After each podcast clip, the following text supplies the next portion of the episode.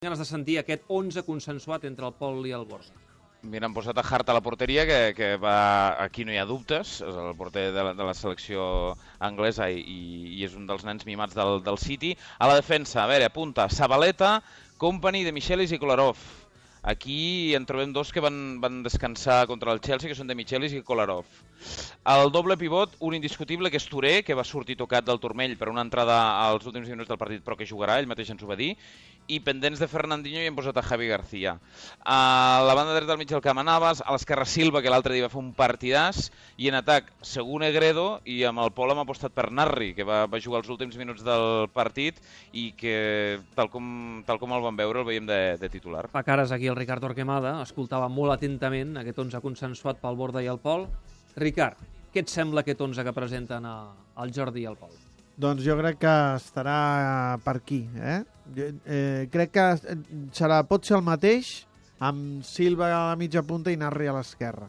Crec que, bé, tots dos tenen molta llibertat i poden permutar posicions, però sí que tinc la sensació que no jugarà Jovetic, que reforçarà el mig camp Pellegrini i que, per tant, intentarà tenir més migcampistes i també d'aquesta manera més, més eh, saturar-li la zona a Touré perquè arribi més selectivament. Si li deixes tota aquella zona per ell, té més llibertat per anar-se'n. Si té un jugador al davant, és probable que, que, que tingui més dificultats per despenjar-se i d'aquí que el Javi García, que ha de ser el guardaespatlles, visqui una miqueta més tranquil, però però crec que serà aquesta. No crec que jugui amb dos davanters, sinó amb, amb un mitja punt. Mm, Ricard, què és el que detema el Barça d'aquest Manchester City? Doncs eh, el que hem sentit ara que explicava el Borda amb, la, i amb la veu del Javi García, que el Barça no tingui la pilota. Si el Barça no té la pilota, eh, el City jo crec que li pot fer molt mal al Barça. El City és un gran equip amb, eh, des del punt de vista ofensiu, té molt potencial, té molta qualitat per jugar entre línies, pensa molt ràpid, eh, com ha fet sempre Pellegrini, eh, és un equip que, eh, que, que, que relaciona a través de la pilota i després que té molt d'equilibri en el joc interior-exterior. O sigui, per dintre és un equip molt potent, però per fora és un equip eh, extremadament eh, bo. I per, per, per mi és un dels millors equips per fora, probablement d'Europa. Eh, I a vegades distreuen molt per dintre per arribar per fora, amb Sabaleta a la dreta, Kolarov a l'esquerra. A més, Sabaleta i Kolarov trien molt bé l'última passada. Vull dir, no, normalment no la rifen, no la posen per posar i tenen grans rematadors eh, de les centrals laterals, sigui Negredo sigui Zeco. Jugarà Negredo, però Negredo és un futbolista que en la centrada lateral fa molt mal. Per tant, si el City té pilota, si el City pot atacar, el Barça patirà. Primer perquè el Barça no sap defensar-se i després perquè eh, l'equip que hi ha al davant és un equip que, que pot fer tremolar qualsevol defensa. Aquest és el Manchester City eh, que ens analitza el Ricard Torquemada, però també, lògicament, estem molt pendents de l'11 que pugui eh, presentar el Tata Martino, l'11 del Barça, perquè Campos, eh, el Barça, us hem explicat doncs, que viatja tothom, tots menys Cuenca i Dos Santos, eh, Cuenca encara amb alguns problemes físics, eh, Dos Santos lesionat, 11 de gala, eh, i la gran pregunta, Neymar sí o no?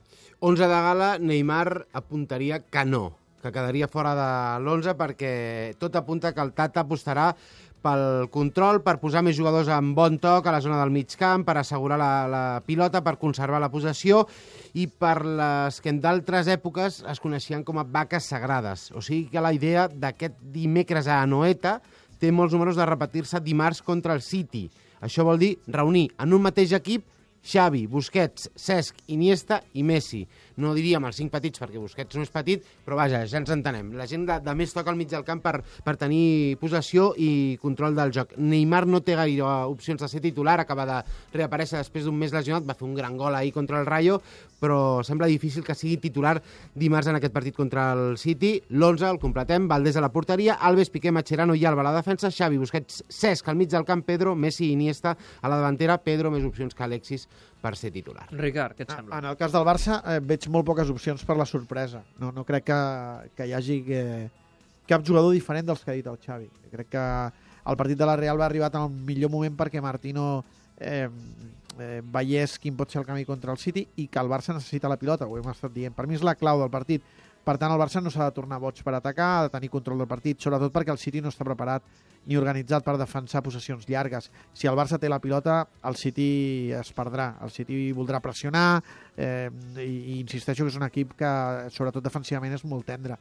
Per tant, el Barça el que li necessita és cada cop que tingui la pilota algun jugador tenir moltes línies obertes de passada, eh, multiplicar la passada, no tenir pressa per atacar, seleccionar molt el moment de l'atac, treure, prendre-li ritme al partit, que el partit no es converteixi en l'anada i tornada, perquè aleshores el Barça estarà mort, perquè el City aquest escenari el, el, el governa i, i, i se sent molt còmode. Per tant, si el City vol soroll, el Barça necessita calma. Eh, si el City vol que hi hagi eh, un ritme una mica esbojarrat, el Barça necessita control. Necessiten dues coses diferents. És que fins i tot si el City té pilota, el City no voldrà monopolitzar el partit. Voldrà que el partit passin coses. I al Barça li interessa que passin poques coses. Eh, si aconsegueix això el Barça, eh, el Barça tindrà molta més paciència que el City i aquesta alineació garanteix poca profunditat, però garanteix eh, molt control del partit. I no tinc cap dubte que Martino triarà això. Si fa una altra cosa, a mi em sorprendria. Uh, una última, Ricard. Uh, ens vam enlluernar tots amb el 6 a 0. Era el Rayo, era el Rayo. Però creus que aquest Barça arriba en el seu millor moment de la temporada? Doncs crec que sí, i crec que sí perquè, perquè el, per mi la clau és el partit de Sevilla fa una setmana. Eh, L'ensopegada de València trenca, trenca els plans. El Barça venia d'un mes i mig bastant bo i, i en creixement. L'ensopegada de València deixa l'equip eh, estadornit, eh, es demostra el partit d'anada de la Copa i el partit de Sevilla era clau. El partit de Sevilla no és un bon partit, però és un gran resultat i a partir d'aquí l'autoestima creix. Contra la Real l'equip se sent còmode en la seva essència, amb això que estàvem dient. Martino hi col·labora amb l'alineació, eh, l'equip se sent un altre cop superior, autoritari en un camp difícil, passa l'eliminatòria fàcilment i ahir torna a brullar tot, però tot, tot torna a brullar, però sobretot tornen a brullar les millors versions individuals d'Iniesta i de Messi que això sí que m'ha sorprès, la capacitat d'arribar al moment just, eh, en el, a, a, diríem que en la forma justa, l'última cantonada. Eh? Mm -hmm. Messi va dir a Ràdio La Red que s'havia posat 10 partits de termini després de la recuperació de la lesió, ahir era l'11.